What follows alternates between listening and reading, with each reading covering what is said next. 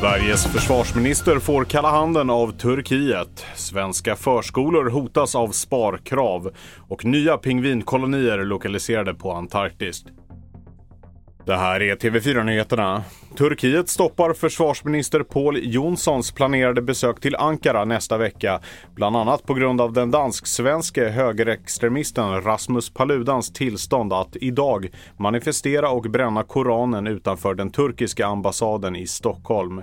Enligt Turkiets försvarsminister så har de svenska reaktionerna mot den senaste tidens opinionsyttringar mot Turkiet inte varit tillräckliga. Ett misstänkt farligt föremål har hittats på Flintbacken på Södermalm i Stockholm. Enligt uppgifter till Aftonbladet kan det röra sig om en handgranat. Polisen har uppmanat folk som bor i området att hålla sig borta från fönster. Minskade barnkullar och sparkrav får många kommuner att stänga sina förskolor. I skånska Hörby opponerar sig föräldrar mot nedläggningsplanerna. Vi hör Asra Pavlika, mamma till femåriga Alma vars förskola nu riskerar att läggas ner. Det drabbar ju inte bara de barn som går på förskolan och de förskolepedagoger som jobbar där. Det drabbar alla barn i kommunen. För det kommer ju tryckas in fler barn på alla förskolor vilket kanske innebär en mer stressad miljö för både barn och pedagoger. För andra dygnet i rad protesterade tusentals människor i Perus huvudstad Lima.